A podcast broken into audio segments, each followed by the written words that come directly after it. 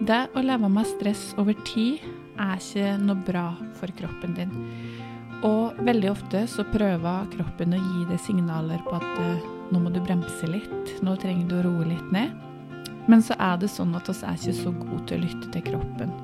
Og da kan det jo hende at det blir mye smerter, utbrenthet og utmattelse. Dette skal vi snakke mer om i denne episoden. Da har jeg vært så heldig å få med meg Astrid i godstolen i dag. Eh, Astrid er naprapat, og jeg har vært eh, kjent med henne på en måte via Instagram. Jeg begynte å følge henne på Instagram og syns eh, hun hadde en eh, veldig spennende profil. Så da ønsker jeg å si velkommen til deg, Astrid. Tusen takk. Hyggelig å bli invitert. Jo, så bra. Har du lyst til å gi en sånn presentasjon, eller presentere deg litt, så folk kan bli litt kjent med hvem du er? Ja, jeg heter Astrid. Jeg jobber som naprapat på Hamar. Opprinnelig fra Trysil og har vært eh, naprapat nå siden 2011, men drevet for meg sjøl siden 2013. Um, jobber primært egentlig med siste par åra så har jeg snevra meg inn, da, for å si det sånn. Så jeg jobber veldig mye nå med stressnakken. Stressmestring og smerterelatert mm. til det, da. Ja. Og da er det vel mange som kjenner på nå I hvert fall i denne tida her har gjort. Mest, siste åra. Ja, mest sannsynlig flere og flere. Ja. Eh, så jeg tror ikke jeg går, eh, går, tom med det første. Nei, ikke sant. Nei. Har du lyst til å dele litt sånn eh, eh, din historie litt sånn i forhold til hvordan du kom det på Instagram? For du har jo ikke hele tida på en måte vært der? Nei, eh, jeg har hatt ganske mye å gjøre på klinikken. Mm. Eh, og jeg, som så mange andre, hoppa inn på online og Instagram i mars 2020. Da kom det en pandemi til Norge. så da ble klinikken min nedstengt. Jeg fikk ikke lov til å jobbe. Og i utgangspunktet så visste man jo ikke hvor lenge det var. Barnehage barnehage, skole ble stengt, så jeg var stuck hjemme med to unger og uten noe inntekt. Mm. Så da er jo gründeren i meg da, som kjente at ok, hvordan kan jeg nå ut til flest mulig folk og hjelpe flest mulig folk hjemme? Eh, hjemmefra, da. Så da begynte jeg med Instagram-profil relatert med naprapati og den stressmestringsbiten kom litt inn i bildet. da. Nå ble jo klinikken stengt i fem uker. Jeg så for meg i hvert fall et halvt år. Så, ja. Men eh, det var sådd et frø, og ut ifra det så har jeg liksom jobba videre da, med ja. det. Mm. Ja. Og du deler jo mye sånn Altså, jeg har jo brukt mye av de tips og triks og sånn som du deler, mm. eh, i forhold til litt sånn stressnakk og den strengen her. Nå ser ikke folk hvilken streng jeg har, men det er den der eh, som går på halsen. Mm. Den har jeg brukt mye, for der har jeg kjent at det, Oi, visste ikke at det, eh, det satt noe der. At det kunne bli støl der, på en måte. Nei. Eh, nei, det er jo litt med det um, endring i mindsettet mitt, da. Eh, hvordan kan jeg hjelpe folk når ikke jeg har dem på benken hos meg? For jeg er jo veldig hands on i min behandling. Jeg jobber jo mye muskulært og knekker i ledd og jobber med nåler osv. Så, videre. så jeg måtte jo endre liksom hvordan kan jeg få folk til å behandle seg sjøl. Ja. så det har jo vært et fokus. Så det kom jo også et online-kurs eh, ut eh, fra det her når jeg begynte å jobbe for meg sjøl. Så igjen, hvordan i alle dager skal jeg få folk bra uten å ta på dem? Ja. Um, og derav må man jo da gi en del øvelser og tips og triks. Og det er utrolig mye man kan ta tak i og gjøre sjøl. Ja, det er skjønt. Og, og uh, blant annet sånne der eh, massasjeballer, da investerte jo jeg fordi at uh, jeg så på Jeg lurer på om det var en Instagram-post eller om det var en mail eller et eller annet. Mm. Eller jeg skrev med det, tror jeg. Og da anbefalte du sånne massasjeboller. Mm. Så der investerte, og de er jo kjempenyttige. Ikke sant? Det er jo en ny verden at man kan finne disse punktene sjøl, og så mm. tror man ofte at ting er veldig veldig vanskelig. Ja. Men eh, nei, det er jo egentlig ikke det. Man nei, må bare sant? gjøre noe. Ja. Ofte så er vi litt passive, da, ser jeg. Mm. mm. Og så er det jo dette med stressnakke. Mm. Eh, og du jobber jo mye med dette med ja, stressrelatert, da. Eh, og i dag så tenkte jeg at vi skulle snakke om dette med litt sånn når kroppen sier nei, eller hva som på en måte skjer i kroppen, og det er å leve med stress over tid. Mm. Har du lyst til å si litt om hvilke på en måte symptomer og hva det gjør med kroppen å leve med stress over tid? Det er jo et utrolig stort tema. Ja.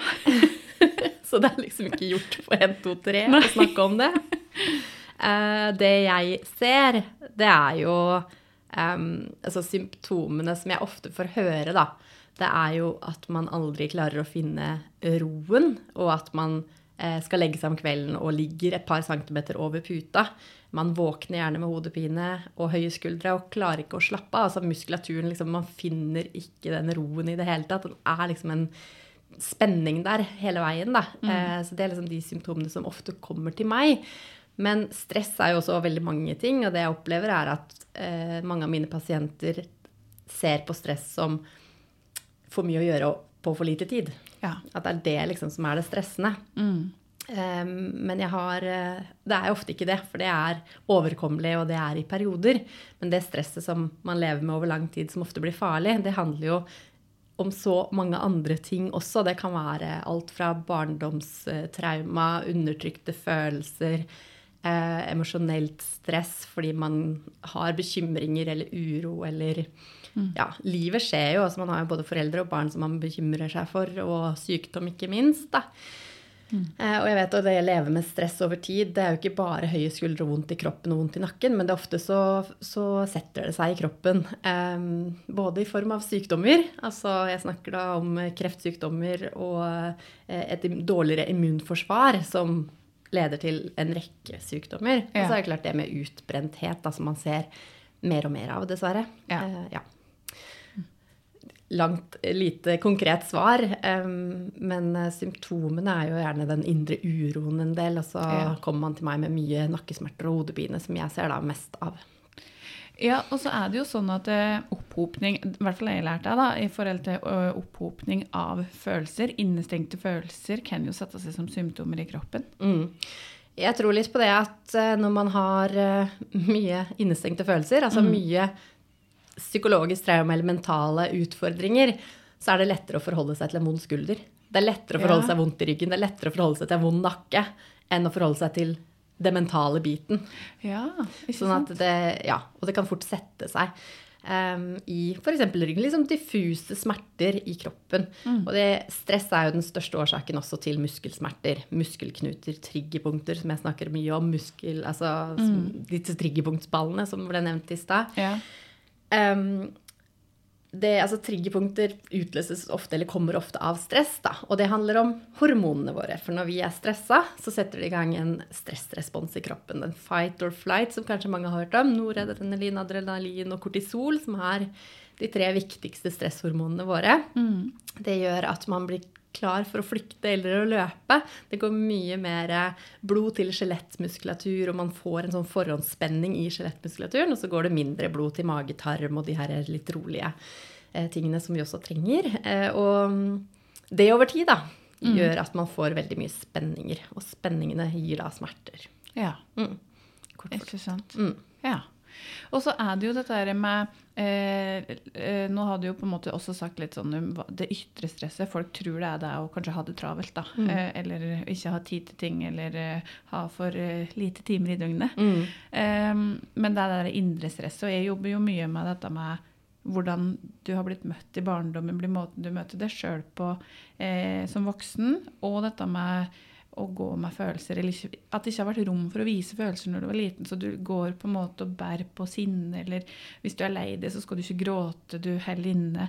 Og da blir det jo fysisk til slutt. Det gjør det. Mm. Og det er så utrolig viktig å ta opp, og det er så vanvittig viktig å snakke om. Det er kanskje mm. det jeg møter mest hos mine pasienter, bare hvorfor har ingen snakka om det her ja. før? For jeg også prøver å ta opp det. og ikke første behandling, og kanskje ikke tredje heller, men hvis det er noen som har gått hos meg lenge, så graver jeg alltid i fortiden. Fordi det er ja. alltid en årsak til dine plager. Ikke bare at muskelen er spent, eller at det er mye å gjøre på jobben. Det er ofte sammensatt av noe mer. Mm. Eh, og de fleste ser ikke på det på samme måten, eller har ikke tenkt på det på samme måten. Så når man da klarer å peke på det, så det sånn, gir det en forklaring til hvorfor man er som man er. Da. Og ja. ja. Jeg tenker jo Det handler jo om å på en måte finne den derre eh, Jeg er mer opptatt av å finne den bakenforliggende årsaken enn å faktisk se på diagnosen eller Men det ligger noe bak der. Ikke sant? En, som du sier, da, en årsak til eh, plagene dine. Mm. Og da handler det jo om å grave litt og finne ut av hva er det som kan være årsaken. Og kanskje jobbe med det og øve på å vise følelser. Eller jeg husker jo jeg snakka med noen som eh, sa det at det første gangen hun hadde grinet, var i en alder av 31 år. Fordi at, og, og det er første gangen var sånn der, Herregud, hva som skjer med meg nå? Nå kjenner jeg på noe jeg eldre har kjent på før. Og det er litt sånn trist, syns jeg. Mm. At eh, du du skal gå og bære på sånne ting så lenge. Mm. Det er kjempetrist. Uten å ha den derre bevisstheten eller skjønne hvor du kommer fra. Mm. Mm. Det er kjempe, kjempetrist, og det er jo mønster gjerne fra barndommen av, vil jeg tro, at foreldrene kanskje ikke bevisst, men mer ubevisst det at ja, men det var så mye hyggeligere hjemme når jeg, de, mamma og pappa hadde et, glad, et barn som var glad. Ja. Ikke sant? Fordi man som voksen også kanskje har vanskeligheter for å møte barns følelser, for det er mye følelser. Eh, og det er ikke alltid det er rom for det. Og kanskje heller, i hvert fall ikke et stressende samfunn som vi lever i, i nå, da, at man skal liksom løpe fra A til B hele veien. og Barna møter følelsene sine, og så er det aldri rom for å bli møtt på de følelsene man har. da. Ja, og så kanskje foreldrene har den der at de ikke er helt på plass i seg sjøl, ikke klarer å regulere sine egne følelser. Og da er det også i tillegg skal jeg i tillegg passe på barna sine følelser og møte dem, da blir det jo veldig vanskelig. ikke sant? Det det. Så da er det lett å si at ja, nei, men slutt å gråte, dette er ingenting å gråte for. Bli ferdig med det. Mm. Eh, Jeg har lært å bare være hard og stå i det, da for du gjør det òg. Da Ja. blir det jo den derre å holde det inne, da. Mm. Mm. Og det er jo ikke bra. Absolutt ikke. Nei. Så det å vise følelser er jo utrolig viktig. Både sinne, ikke bare det å være lei seg, men få lov til å være sint òg. Ja, Virkelig få lov til å være sint, liksom. Det tror jeg òg er, er viktig. Og det er jo mange som også har eh, Bare for å si litt kort om det, den der sekundærfølelser i forhold til primærfølelsen. da, At mange som kjenner på sinne, kjenner også på skam. Derfor så blir sinnet undertrykt fordi at du har lært at ja, men dette er feil. Dette her skulle jeg ikke gjøre. Jeg skulle ikke være sint. Jeg skulle alltid være glad. Eller det var feil når jeg var sint. da. Mm. Og det er skaper jo mye sånn indre stress, Mm. tenker jeg. Mm. Absolutt. Mm. På mange måter. Så vi har en jobb å gjøre, da, tenker jeg, i hvert fall rundt der. Og det jeg møter, som sagt, er at man har ikke tenkt over det tidligere. Mm. Og så kommer man til meg med veldig mye utfordringer, fysiske plager, hatt vondt i nakken hele livet, eller av og på vondt i ryggen, eh, ryggen eller mamma har jo hodepine, så derfor har jo jeg også fått det. Dette Ja. er mest sannsynlig arvelig betinga. Um, men det, det, i hvert fall hodepine kan være migrene osv. kan være arvelig betinga, men langt ifra alltid. Mm. Og jeg har også vokst opp med en hode, mamma med hodepine, så det er kanskje derfor jeg har lagt denne gruppa, pasientgruppa litt uh, på hjertet, da. Ja, Fordi hun hadde jo helgehodepine, vondt i hodet hver eneste lørdag og fredag kveld, og kasta opp og full pakke. Eh, så sånn var det bare. Men Ja. hun også flink pike, skal gjøre alle til lags, eh, opptatt av at alt skal være på stell til enhver tid. Mm. Og eh, ja, ligger hele veien i forkant da, og veldig liksom, høyt prestasjonsjag. Jobba som lærer. Mye, mye å gjøre konstant. Ja.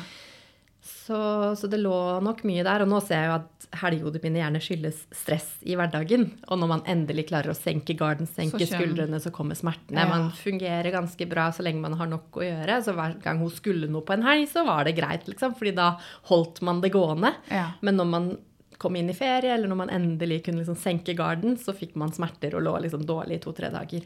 Ja. Og det hører jeg jo Det er jo liksom blitt mer av hverdagen nå med pasientgruppa mi, da. Um, så nå har jeg på en måte litt mer mønster rundt det, at ok, men dette her skyldes gjerne stress, og typisk denne flink pike i gåsehendene eh, som, som kjenner mye på det her. Mm. Så flytta jeg sjøl hjemmefra når jeg hadde hodepine på ungdomsskolen. Det begynte da. Eh, Så flytta jeg hjemmefra når jeg var 16 og fikk mer og mer hodepine. Og tenkte som så at dette skyldes jo mamma og pappa de har hodepine, så derfor har jeg fått det. Og da gjør man ikke så mye med det heller, men jeg testa jo briller, og jeg fikk jo migrenemedisiner og ble utreda for migrene. Og liksom fikk migrenemedisiner, for de sa at det er mest sannsynlig migrene. Eh, I dag er det ganske innlysende hva det var. Så det handla ikke om det.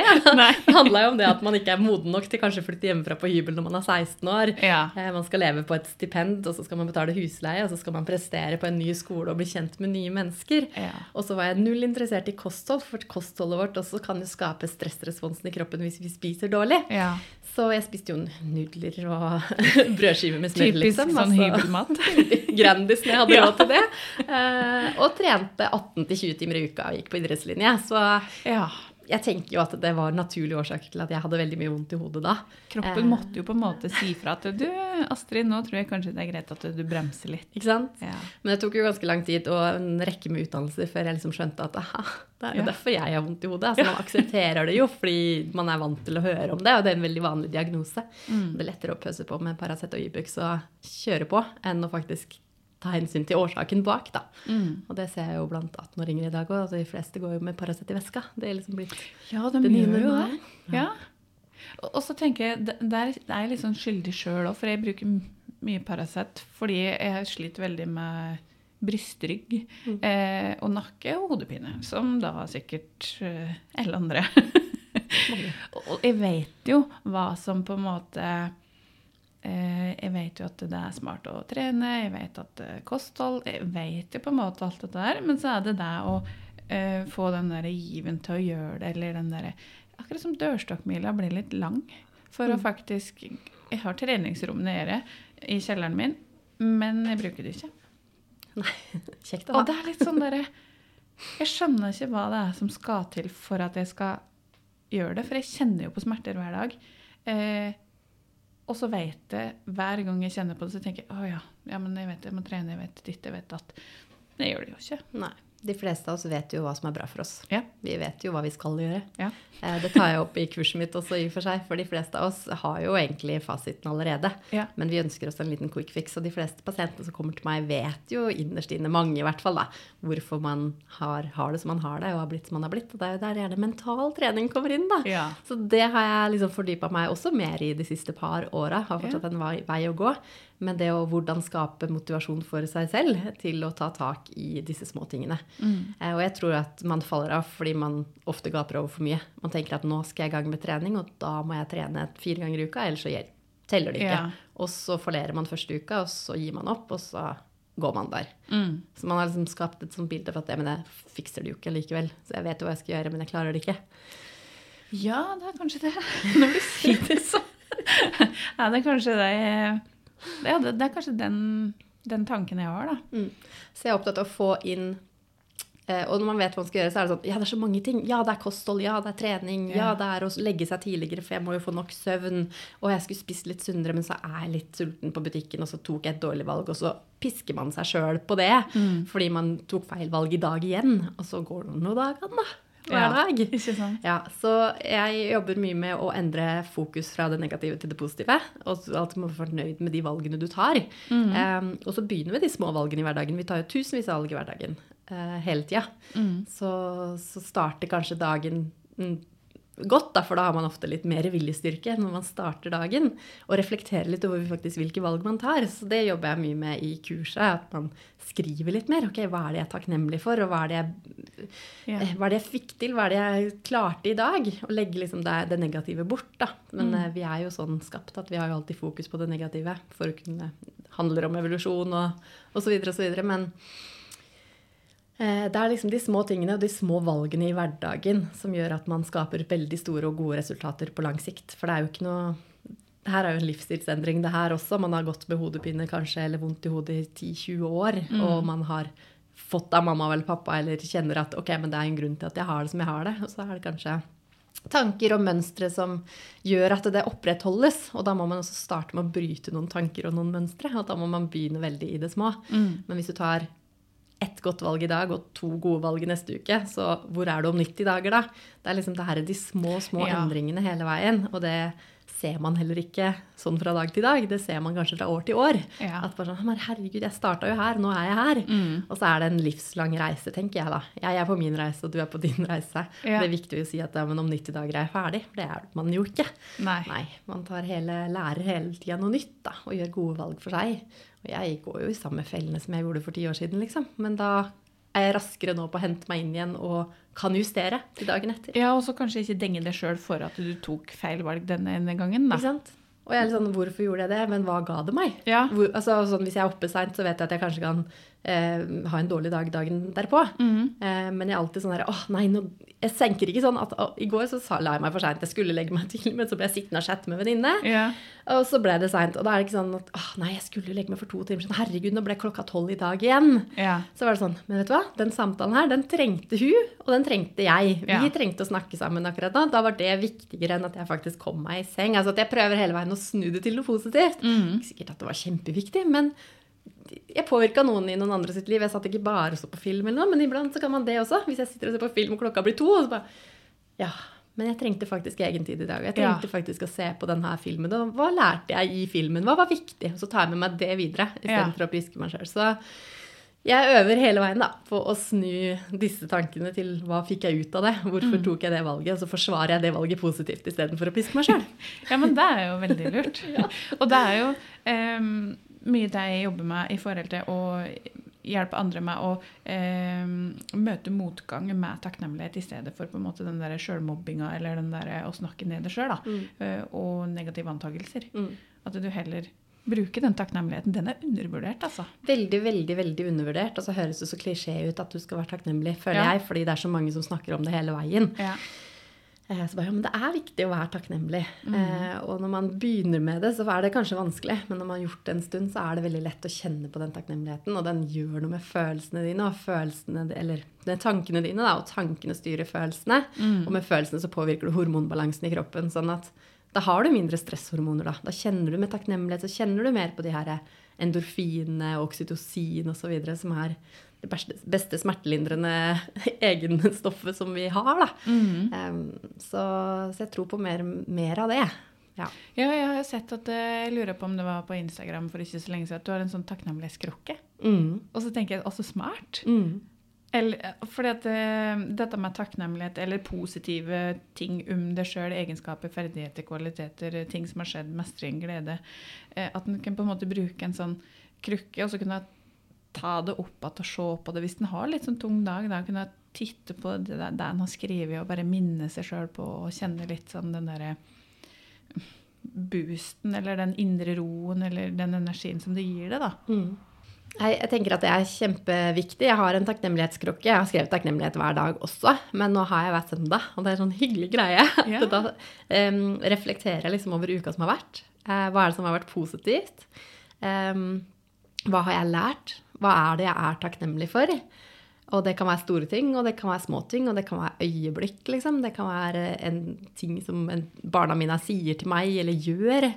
Um, så, så, og da skriver jeg en liten lapp, og den er litt lengre enn om jeg har skrevet det hver dag. Så skriver man kanskje bare små stikkord, men jeg, jeg har jobba med det her en stund, da, så jeg kjenner på takknemlighet hver eneste dag. Ja. Og når barna mine sier noe til meg, så jeg hva skal jeg si, holder på den følelsen. Jeg blir Ja. god på det. At jeg kjenner at åh, ja. Du, ja. Ja, Altså den derre gleden jeg liksom ikke, Og det, de følelsene kan jeg ta opp igjen nå, på en måte. Jeg får liksom tårer i øya fordi jeg er så Ja. glad for det jeg har i livet mitt. Um, og da har jeg en stund da, for meg sjøl på søndagene hvor jeg nei, nå skal jeg skrive en lapp Ja. som jeg putter i den takknemlighetskrukka. Jeg gleder meg vanvittig mye til nyttårsaften. Nyttårsaften er en dag jeg ikke er noe glad i. Jeg vet ikke hvorfor. Det har vært siden jeg var liten. Ja. Eh, ikke noe glad i den nye starten på nyttårsaften. Jeg tror det er en usikkerhet med et nytt år eller blanke ark. At, ja. Ja. Vet ikke helt, har ikke klart å sette fingeren på det, men eh, jeg vet at både mamma og broderen hater den dagen, virkelig. Så det har nok påvirka meg litt. Grann. Men nå gleder jeg meg så mye til nyttårsaften til å åpne de lappene og se på hva er det som egentlig har skjedd i livet mitt det Oi. siste året. Så, så det skal bli en sånn ny greie, så jeg Så kan spennende. starte nyttårsaften Ja. og nye med på en måte de, alle de positive tingene fra året som har vært. da. Ja. Så det er planen min. Så jeg kjenner liksom Bare Ja. snakker om det nå. gleder jeg meg Ja, men så bra. Ja. Og det, er jo, det høres jo veldig smart ut. Mhm. Og så har jeg jo en sånn rundt middagsbordet, for jeg har jo prøvd å på en måte Jeg tenker jo det er viktig å lære ungene om takknemlighet òg. Så vi har alltid hatt en sånn runde på eh, en ting som, eller to ting som har vært bra med dagen din, en ting som kunne vært bedre. Så skal en på en måte fange opp litt sånn utfordringer, og kanskje finne ut av hva har vært litt vanskelig i dag. Eh, hva er du takknemlig for, og hva liker du med deg sjøl? Ikke sant? Så fint. Og det er litt sånn, da må de jo kjenne etter. Ok, Veldig ofte så er de takknemlige for enten mamma eller pappa, eller de er takknemlige for maten. Eller, Jo, jo. eller, og hva liker du med deg sjøl? Så er det masse som ja, nei, jeg liker håret mitt, eller jeg liker armene mine, fingrene mine Altså alt. Så det er litt sånn å gjøre det til en sånn greie at ungen også vet hva takknemlighet er. Det er kjempeviktig og utrolig ja. fint. Vi gjør jo også det på kvelden, gjerne ikke hver dag, men vi snakker ofte om, om hva har vært bra i dag. Ja. Eh, og det kan være sånn Ja, vi klippet neglene mine, mamma. Jeg bare, ja, ja, det var fint. Det var positivt. Vi klarte det uten grining i dag. Ja. Eh, det kan være liksom alt fra sånne type ting til litt dypere ting som har skjedd. da. Men man får jo et innblikk i barnas liv. Så, men ja. den eh, skal jeg ta med meg videre med. Hva er du fornøyd med deg sjøl? Den syns jeg var Ja, for den, det er så viktig, fordi at jeg jobber jo mye med folk som driver med sjølmobbing og dette med sjølbilde. Og det og at de klarer å se meg som Hva er du fornøyd med med deg sjøl? Eh, og de ser på seg sjøl og ser hm, Jeg syns jeg ser Jeg har fine klær i dag, eller eh, jeg har eh, ja, fine negler, eller ja, hva som helst, på en måte. Mm. Og da er jo pappa veldig morsom og så sier nei, jeg syns jeg er fin rumpe. Og ungen bare du syns alltid det, du, pappa. så, så det blir en sånn fin greie mm. rundt matbordet, syns jeg, da. Ja, kjempefint. Og da skaper man jo også en bevissthet rundt Absolutt. det. Ja. Når man ser seg i speilet, da, så hmm, Øya mine skal jeg svare neste ja. gang. De er ganske fine. Ikke ja, synes sant.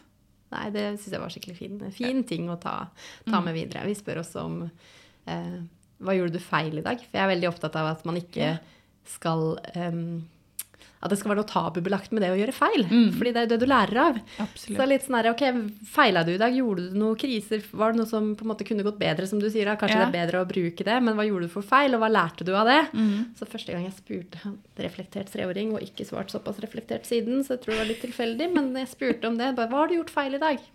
Jeg stupte kråke. Eh, ok, hva lærte du av det? Neste gang skal jeg gå litt lenger unna veggen. Oh, ja, ikke sant? ja, men da har vi jo lært, da. da. Hun lærte det. Så den må jeg alltid huske å ta med meg videre. liksom. Bare, ja, ja. Det, er, det, er, viktig, alle disse små tingene. Det er det. Og så det er så viktig at ungen fra de er små, blir bevisste. Ja. Og jeg mener, altså takknemlighet er jo gull verdt for dem å lære seg som barn og ha med seg inn i voksenlivet. Mm. Absolutt. Absolutt. Og mm. igjen reflektert gjennom altså, hverdagen. Hva var det som faktisk skjedde i dag? da? Det som regel, hva har du gjort i dag? Så får man jo sånn, jeg vet ikke. Mm. Nei. Nei, ikke sant. Mm. Men jeg merker at de kommer De svarer kanskje ikke der og da når jeg snakker om dagen, men eh, dagen etter eller et par dager senere så kommer liksom de, de har fundert litt over faktisk hva som skjer i skolen, og hva ja. som skjer på barnehagen, og så får man disse historiene likevel, da. Mm. Så, men i andre settinger, og det tror jeg skyldes at vi stiller disse spørsmålene. Absolutt. Ja. Mm. Og så lurer jeg på en liten ting. For eh, jeg har jo også sett at du Jeg må bare spørre deg, for jeg har sett at du driver med sånn frønæring. Mm. Eh, vil du bare kort litt fortelle om det? Jeg er jo litt nysgjerrig av meg. Eh, så mm. jeg bare lurer på hva er det for noe? Frønæring er eh, et mattilskudd, kall det gjerne det. Ja. Eh, det er en smoothiepose eh, som vi tar hver eneste dag. Jeg er jo opptatt av at alt henger sammen, så tankene dine og liksom ting du gjør, altså fysisk aktivitet er viktig, men også hva du putter i deg. Mm -hmm. Hvilken næring du får i deg. Um, sånn at uh, i dagens samfunn da, så er det lett å ty til mye halvfabrikat eller ultraprosessert og prosessert mat. Altså I Norge så spiser vi jo 60% dårlig mat, for å si sånn, eller ultraprosessert mat da, som ja. er bearbeida. Og så er det kanskje tilsatt vitaminer i ettertid. Samt at uh, kornet vi spiser og grønnsakene vi spiser, er jo ikke like næringstette og næringsrike mm. som det var før, fordi jorda vår aldri får hvile. Eh, sånn at vi produserer det samme, samme jorda hver, hvert eneste år. Ja. Eh, så jorda får heller aldri hvile. Så det er en av årsakene til at maten ikke er så næringsrik som den burde. Mm. Så kom jeg over frønæring. Det var jo også i 2020, faktisk, som jeg kom over det. Og så begynte jeg å søke litt og lete litt. Liksom, hva er det her? Og så gikk jeg inn for å teste det. Og det jeg merka sjøl, det handler om at i en sånn smoothiepose så får du i deg alle vitaminer, mineraler og de essensielle fettsyrene som kroppen din trenger for å fungere. Altså du må få i deg det her via kosten for at alle prosesser skal fungere. Ja. Eh, og de færreste får du jo egentlig i seg via dagens kosthold. Eh, og det kan også være med på å skape stress, skape spenninger, skape smerter i kroppen i form av både magetarmtrøbbel, men også muskelrelaterte spenninger, og spesielt kanskje fibromyalgi, som jeg ser veldig mye av hos, hos meg, ja. som jeg mistenker at har med bl.a. stress å gjøre, men også eh, livsstilsrelatert. Da. Ja. Eh, og det er basert på frø, så det er fire eller tre frø i Soul som er liksom hovedproduktet. Og svartfrø er en av de. Og hvis man googler svartfrø, det var det det starta for meg. Jeg var ok, vi må google. Ja. Eh, svartfrø, så fikk jeg jo opp tusenvis av forskningsartikler på PubMed om nettopp dette svartfrøet, som eh, er gammel naturmedisin. Så jeg bekjente Ja. at ok, hvis det her er sant, så må jeg jo bare teste det. Ja. Eh, og så er det kombinert med, med druer chardonnay-frø og um, uh, uh, eh, Da står det helt i svart druesjardonnayfrø. Eh, og svart bringebærfrø. Ja, Ja. bringebærfrø. Så det er de tre, og de er veldig bra alene når man googler de, men så har de en synergieffekt, så det fungerer enda bedre sammen, da. I en sånn type pose. I tillegg så inneholder det um, deribose, som vi naturlig har i kroppen og produserer i leveren, som vi trenger for energi, blant annet. Det finnes ganske mye forskning på det, at deribose kan gi eh, dempe ME og fibromyalgiplager osv. Så, videre. så med bakgrunn av det så bare åh, det her må jeg teste. Ja. og jeg har ingen plager, jeg har eh, en frisk helse stort sett, så jeg tenkte at jeg, det er ikke sikkert jeg merker så mye. Um, men eh, jeg har merka det på litt sånn hva skal jeg si, Vi tar det hele familien hver eneste dag eh, som et mattilskudd for å få i oss vitaminer og mineraler. Så det er liksom det, det jeg tar det for. Ja. Eh, hår og negler er sterkere, huden er bedre, eksemen er borte, og jeg persa på løpetreninga liksom uka etter. Ja. Så oksygenopptaket ble bedre, tydeligvis. Eh, så det er liksom mine erfaringer med det. Men så har jeg jo promotert det litt via Instagram, også til noen pasienter som snakker om helt andre em, andre erfaringer med produktet, da, hvor man Ja. har fått en veldig veldig mye friskere og sunnere helse. Så derfor kjenner jeg at dette er noe jeg kan stå inne for og anbefale. Og ja, eh, anbefale andre. Sånn at eh, det er et, liksom et verktøy som jeg bruker i tillegg til alt det andre. Ja. Så kan man eh, anbefale dette her som et kosttilskudd. Det er ikke et kosttilskudd, ja, fordi det er naturlig, det er mat, eh, så ikke syntetisk fremstilt. Eh, Men tar du det da i tillegg til frokost og sånne ting, eller Ja. er, det, for er, det, er den posen stor? Er det mye? Er det på en måte litt sånn Blir du mett? Nei. Nei. Det er ikke en måltidserstatter. Eh, noen tar det på tom mage før frokost, mm. eh, mens mange tar det til maten eller i forbindelse med maten gjerne. Jeg spiser det først jeg gjør om morgenen. Drikker et glass vann, og så tar jeg D-vitamin i tillegg, for det er litt lite D-vitamin i det. Så jeg tar det i tillegg, og så tar jeg en pose Ja. med Soul, som den heter. Eh, og så spiser jeg frokost, og så har de litt flere produkter, så jeg bruker, bruker mer, da. Men det er gjerne Soul jeg anbefaler i hovedsak. ja. Ehm, og barna spiser det også, og det er jo en trygghet for meg at jeg vet at når de er småspiste og kresne, så får de i hvert fall i seg det de trenger. Ja, de får liksom jo- dekka dagsbehovet sitt. Ja. Så bank i bordet, vi er veldig, veldig lite syke. Heldigvis. Men uh, altså, nå har jo jeg skeptiske barn til litt sånn nye ting. Eh, smaker det Åssen smaker det? Er det Smaker søtt, eh, egentlig. Det er, eh, inneholder bjørkesøt, naturlig framstilt. Men frø er jo bittert, så de må ha i noe som gjør at det blir litt søtt. Ja. Det ble laga på et kreftsykehus i Maryland i USA i utgangspunktet, for de ønsket å lage et produkt som gir mest mulig næring til barna. For Ja. de får ikke i seg mat når de er syke. Man er gjerne småspist. Så det starta der. Så den historien også kjente jeg at åh, herregud, det her ligger litt uh, mitt hjerte nære, Ja. da. Jeg har lyst til å, å vite mer.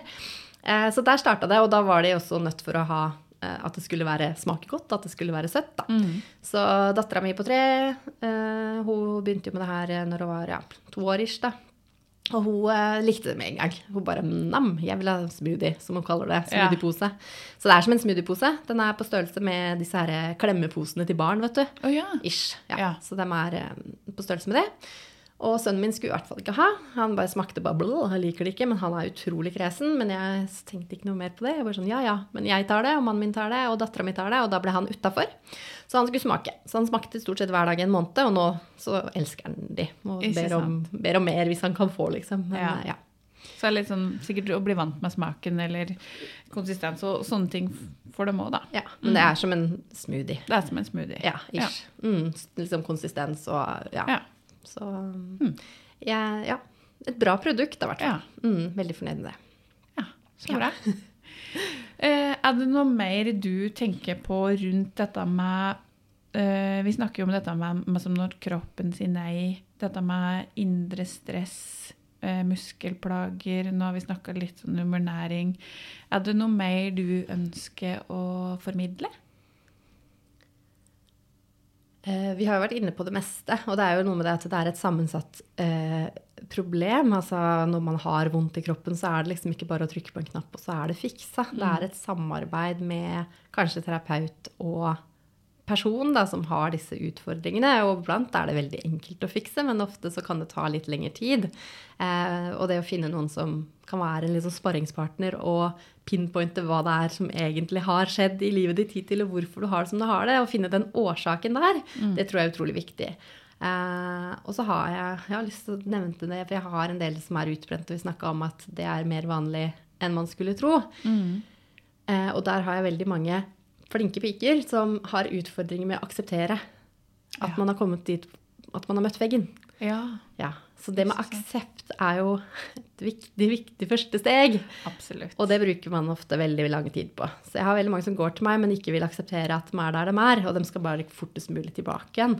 Mm. Eh, og det spiller ingen rolle hva jeg sier da, for de må innse det sjøl. Ja. ja. så der møter jeg veggen, for de har liksom bare bestemt seg. Um, så det med å akseptere at man har kommet dit man er, da, at det er sammensatte årsaker til det, gjør mm. at man kommer i hvert fall mye lettere og fortere ut av det enn å bare fortsette å pøse på. Men er de da klar over at uh, årsaken er den derre flink pike? At de hele tida har stått på for andre? At det er det som gjør at de blir utbrente, eller? Nei, det er det at de ikke ser tilbake i fortiden så langt, frem, så langt tilbake som jeg ønsker at Nei. de skal se. Det er liksom bare jobbsituasjon, kanskje. Og så kommer barna i tillegg til det. Og så var det en skilsmisse. Og så fikk man litt ekstra utfordringer, og så ble man forfremma i den perioden. Og så må man jo sove, sove men så har man barn som er våkne om natta. Altså, det er mm. ofte veldig mange ting, og så ser man liksom ikke det som en helhet. Nei. Jeg fiksa jo det sist gang. Jeg fiksa det jo for to år siden. Men så er man kanskje på et nytt sted i livet, og så har man kanskje litt bagasje fra liksom enda tidligere tilbake. Og så er det jo veldig ofte de som er utbrente, så handler det om at det har vært noen sykemeldinger, øh, og så har det vært en periode med der du har vært Ja, altså de har på en måte hatt flere perioder, da. Eh, og der du bare på igjen at med flink pike-syndrom, kjører på enda hardere, få stien enda smalere, stramme enda mer, være enda flinkere. Mm. Og så går du på veggen igjen, ikke sant? Ja, ikke sant? Og til slutt så vil det jo bli den derre utbrentheten. At mm. du, du, klarer ingenting. Mm. Og så er jo utbrenthet en litt tabu diagnose også ja. for disse personene her. Man ja. er jo ikke utbrent. Nei, men jeg er jo ikke stressa. Det har jo ikke så Nei. mye å gjøre. eh, nei, fordi man ser jo ikke på det som mye å gjøre når man har en syk mor og en skilsmisse og barn med litt ekstra behov. Det har jo ikke noe med mye å gjøre. Liksom. Det, det handler jo på en måte noe du bare må ja. stå i så er det jo det på jobben i tillegg. Men mm. du kan jo ikke, ikke, slutte på jobben, for hvis du sjukmelder deg, så går det utover de andre, og det går jo ikke an. Og så videre. Så man, man, setter alle andres behov eh, veldig veldig, veldig mye høyere enn sine egne, og har mm. mest sannsynlig gjort det hele livet, og mest sannsynlig lært seg de strategiene fra man er barn. Ja. Eh, så det er liksom vanskelig å nå fram der, da. Eh, men de kommer jo ikke til å bli bra, eller de kommer til å komme tilbake til meg eh, ganske ofte, helt til de innser at de må begynne å ta sine egne behov mer på alvor, da. Mm. Og de vet jo egentlig ikke altså, ja, De som jeg har hatt på kurs hos meg, de vet jo ikke hvor de vil. De vet Nei. jo ikke hva de vil ha ut av livet sitt engang. De, de går livet sitt på autopilot og, ja. og, vet liksom når jeg spør ja, men hvor ønsker du å være om et år? Mm. Nei, ønsker å være Jeg har aldri tenkt på seg sjøl på den måten i det hele tatt. For da? Jeg jeg skal vel bare fortsette som jeg har gjort hele livet. Ja, ikke sant? så, så, det er jeg opptatt av, at man skal bli mer bevisst og mer være med da, i livet sitt. Mm. Jeg syns det er altfor få som er med i livet sitt. Absolutt. Det er ja. veldig mange som går på autopilot. Ja. Og det handler jo om den der som vi har snakka på, den der bevisstgjøringa på eh, For min del, i første, all første time, mm. eh, så har jeg den bevisstgjøringa på at jeg spør alltid hvordan eh, Jeg vil bare spørre deg litt sånn, vil du si litt sånn kort om barndommen din? Hvordan ble du møtt? Var det rom for å vise følelser? Uh, Ubetinga, betinga kjærlighet. Alt dette her. Og da får jeg på en måte tak i det der. Mye, stort sett alt, uh, ligger veldig ofte der.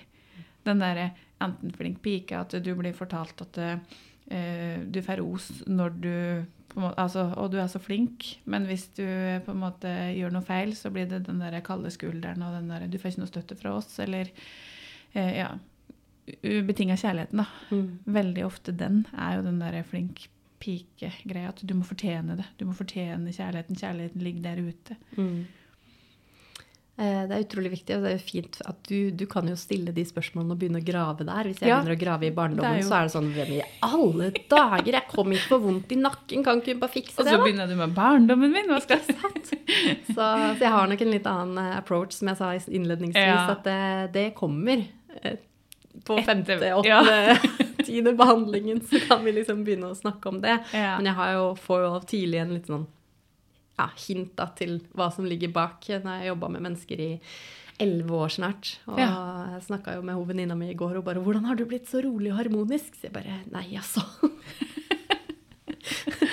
jeg tror jeg påvirkes også, eller sånn Jeg har og det syns jeg er så fint. Da. Jeg har jo mange som kommer til meg med veldig mye utfordringer og plager. Og igjen, da, så bare sånn Herregud, jeg har det så bra, jeg.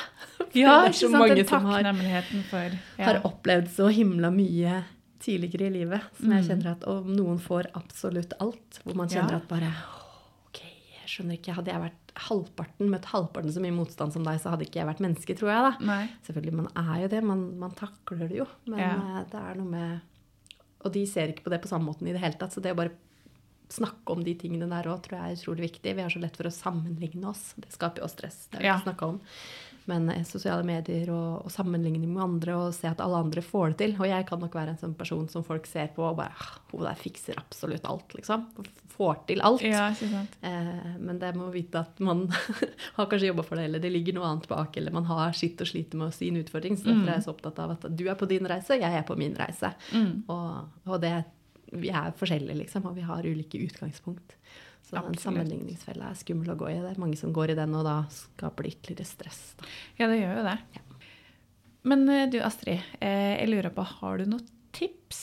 Eh, nå, nå vet jeg at det ikke er noe quick fix, men om du har noen tips til hva folk kan gjøre, enten for å bli bevisst, eller litt sånn når de har noe sånn vondter, hva, hva de kan gjøre?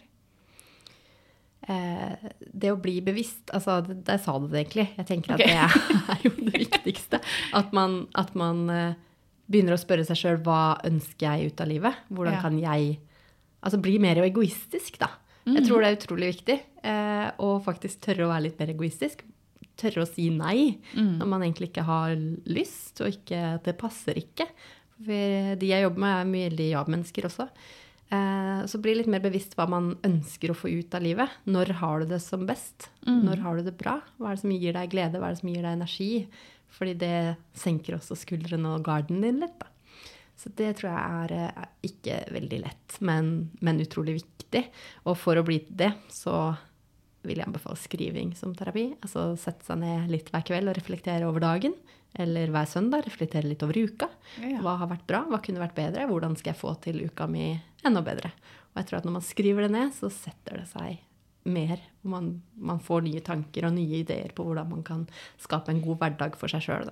Mm. Så det er vel et konkret råd som jeg vil, vil gi hvis man kjenner at man er veldig mye stressa. Mm. Så må man på en måte prøve å finne ut hva er det som gjør at jeg stresser såpass mye. Mm.